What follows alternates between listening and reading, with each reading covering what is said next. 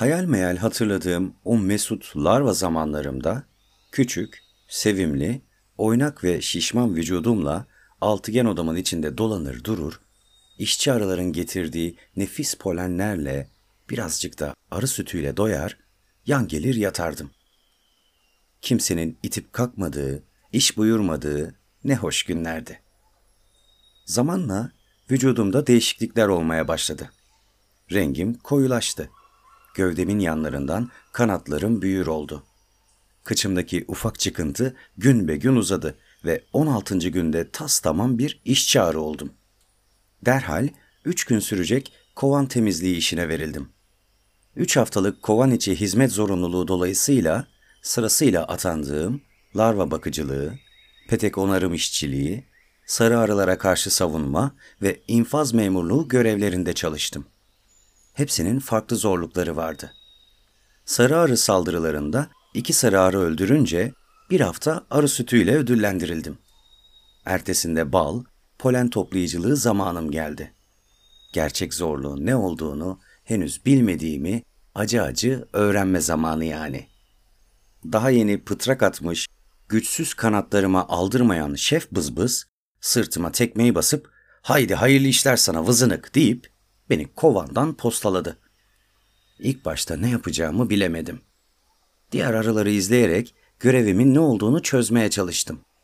Bir işçiyi gözüme kestirip takibe koyuldum. Uçtu, uçtu, gidip sonunda beyaz bir çiçeğin ortasına kondu. Kollarını mis kokan kumumsu bir maddeye daldırıp ağzındaki bir keseye tıkıyordu. Polenin toplanmadan önceki halini de görmüş oldum böylelikle. Yorgunluktan perişan vaziyette yanına yaklaşınca hışımla geriye dönen arın mızrak gibi iğnesini kafama doğru salladı. Toz ol ufaklık, bu çiçek benim diyerek terslendi. Bu ilk başarısız denememle anında toz oldum. Kendime sahipsiz bir çiçek bulmaya çalışıyordum fakat hangi çiçeğe konsam ya bir sahibi vardı ya da poleni tüketilmişti. Açlıktan sersemlemiş, boş boş vızıldarken yanıma bir işçi yaklaştı. Ağzıma biraz bal püskürtüp uzaklaştı. Gözlerim doldu. Duygulandım bu jest karşısında. Katı kovan kurallarına rağmen en basit bireylerin canlarının bile zannettiğim kadar önemsiz olmadığını anladım. Kendimi toparlar toparlamaz çiçek arayışlarına devam ettim. En nihayet iyice sapa bir tepede haşmetli bir gökdelenin tepesindeki mor bir saraya benzeyen deve dikeni çiçeğine rastladım. Bu mor kuleciklerin tepesine kafamı sokarak hayatımın ilk balını toplamış oldum. Kesemi tepeleme doldurup neşeyle kovanıma doğru yollandım. Kovana geldiğimde yorgunluktan ölüyordum. Şef bızbız kesemi yarım petek gözlerinden birine boşaltıp ''Aferin evlat, hadi tekrar marş marş'' diyerek kovandan attı beni. Olacak iş değildi. Çok kızdım ama disiplinden asla ödün vermeyen ve tembelliği anında cezalandıran kovan kurallarına karşı gelmek olanaksızdı. İşe yaramaz, tembel erkek arıların nasıl teker teker infaz edildiğini iyi biliyordum. İyice yaşlı, kanadı kopmuş, yaralı arıların da derhal öldürüldüğüne bizzat şahit olmuştum. Vızlaya, bızlaya aramalara tekrar başladım. Zor zahmet akşamın çöktüğü ana kadar çalıştım durdum. Yorgunluktan bayılacak kadar bitkindim. Susuzluğumu yeni sulanmış bir tarladaki pancar yapraklarının üstünden giderdim. Hava iyiden iyiye karardığında arıların akın akın kovana dönmeye başladığını fark ettim. Aralarına katılıp kendimi peteğin birine zor attım ve bir köşeye yığıldım. Kumanyamız dağıtıldı. Karnımız tam doymadan kovanca hemen uykuya daldık. Günler ilerledikçe kovandaki sistemi daha iyi öğrenmeye başladım. Bir işçiden iki kat daha büyük kraliçe, 30 bin kovan sakininin mutlak lideriydi. Sadece arı sütüyle tıkınarak sürekli boş peteklere yumurtluyor, devamlı bal kıtlığı çeken kovanın içinde dolanıp duruyordu. Biz işçilerse üreme işleri harici bütün görevleri yerine getiriyorduk. Yönetilen, emre itaat eden çoğunluktuk. Son grup olan erkek arılar azınlıktaydı ve damızlık olarak yüremede görev alıyorlardı. İğnesi olmayan, bal toplamayan, inşa ve temizlik işlerine katılmayan bu arıları işçi arılar hiç sevmezdi. Bir de kovanın sahibi Musa vardı. Anlatılana göre önceden aldığı üç kovan bakımsızlıktan sönünce boş kovanlarını öylece tarlada bırakmıştı. Ertesi sene bizim kraliçenin de işlerinde olduğu başka kovanlardan kaçan oğulların tesadüfen onunkilere yerleşmesiyle tekrar üç kovan sahibi olmuştu. Uzun çalışma saatlerinin sonunda kovanımıza vardığımızda yiyecek balımız hep az olurdu. Musa arada bir uğrayıp balımızı anında süpürüyordu. Bize karnımızı doyuracak balı bıraksa yeterdi ama onun arılar açmış, susuzmuş, umrunda bile değildi. Bu sebeple işçilerin çalışma saatleri gittikçe arttırılıyordu. Açlık çeken bazı işçiler larvalara vermeleri gereken balları gizlice yiyor, yakalanan bazıları derhal öldürülüyordu.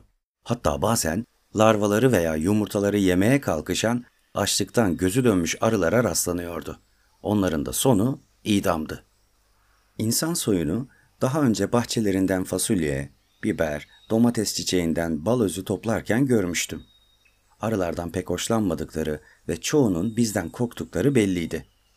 Kovanda hepsinin bir olmadığı, kimi arıcıların arıları gayet iyi beslediği anlatılırdı. Bazı yabancı bal arılarının gayet etli butlu olduğunu zaten görüyorduk. Bizdeki kıtlıktan bahsettiğimizde şaşıyorlardı. Musa'yı ilk defa 38 günlük yaşlı bir arı iken gördüm. Saçı sakalı birbirine karışık, kara kuru, bıyıklı, 40 yaşlarında bir adamdı. Ben o esnada Devekaya çevresindeki ağaç çiçeklerinden, gelinciklerden ve minelerden topladıklarımı kovanıma getiriyordum.